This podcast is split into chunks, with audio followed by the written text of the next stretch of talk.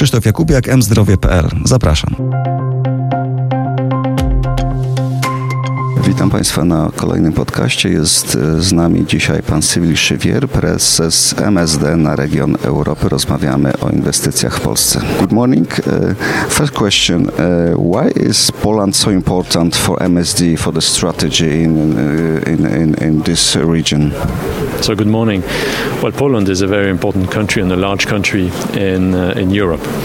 Uh, Poland is a country where there's a history of very strong manufacturing, but also uh, very uh, skilled and competent workforce uh, with um, very uh, good university degrees. So for us, it made a lot of sense to um, invest in Poland and uh, work very closely with authorities to really try to improve care both for human health but also animal health you are managing the whole area of healthcare and human healthcare. And could you tell us uh, how about the uh, experience from the pandemic season and the plans of, for the have MSD in this sector and for the next year? So uh, yeah, I manage um, the human health part of our, our business, uh, and um, over the last 18 months, our company has been focused on two things. One is how do we work with um, clinicians and how do we work with the authorities to ensure that care continues to be delivered to patients uh, whilst the hospital system is under significant pressure. We've seen countries where uh, the number of diagnosed cancers, for example, have reduced by 20, 25 percent and we really work with authorities to ensure that we continue performing early diagnosis and that we continue treating patients. That's one example. The second is uh, we ourselves have engaged into very significant research work to uh, develop a, an antiviral.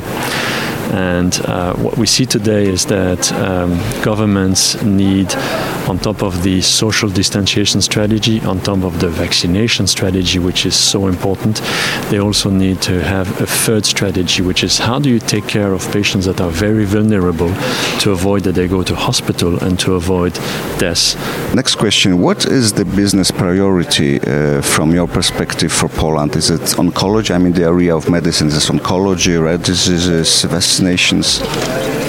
So today we're very focused on uh, three main areas.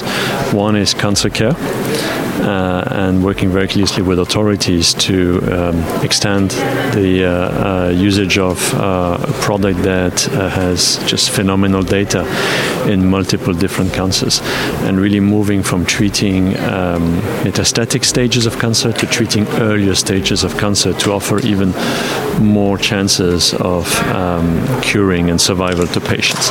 The second is in prevention.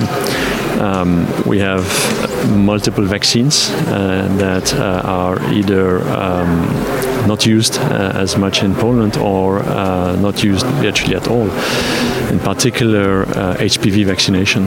The government is currently working on reimbursing HPV vaccines, and that is a major opportunity to have an impact on health for girls and boys and preventing cancers.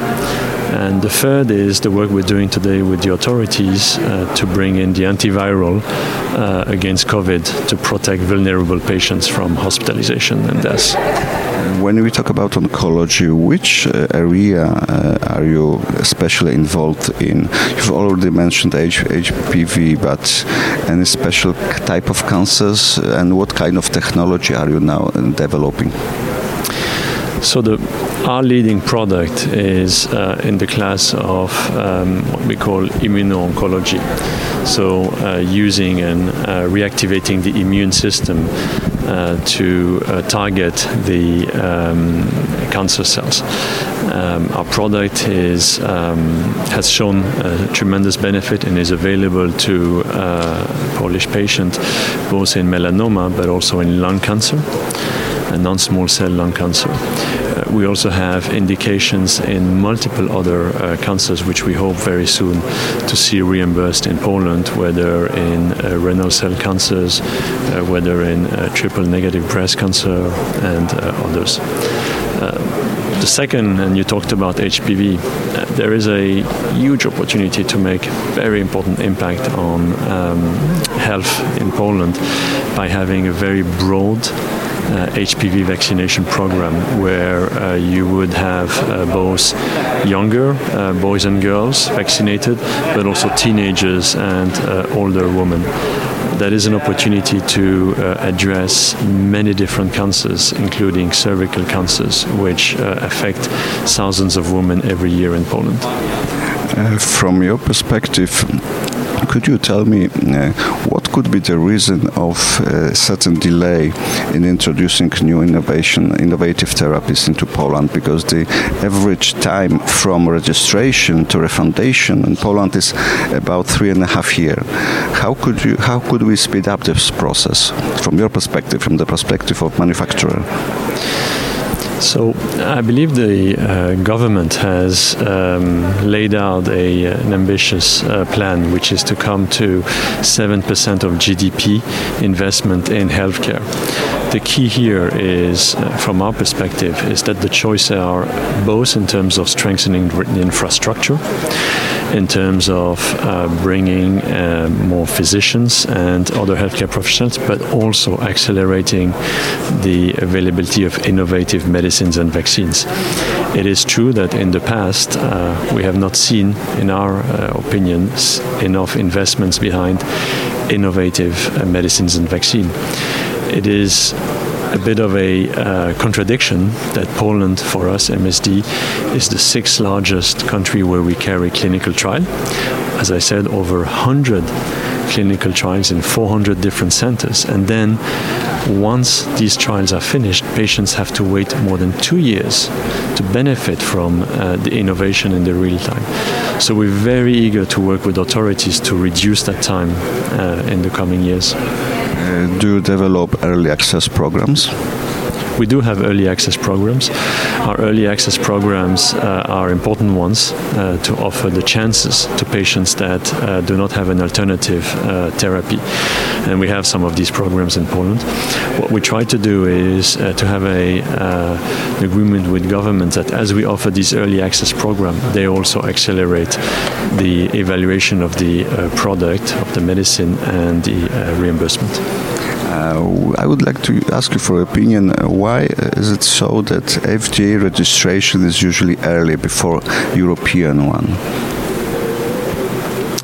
So each country have their um, regulatory processes. Um, increasingly, we see a narrowing of um, the timelines between uh, European Medical Agency and the FDA. Where we see a significant difference still is after registration. In Europe, you have um, health technology assessment of the uh, medicine and vaccines. In the United States, after FDA approves, the next week the product is made available to patients.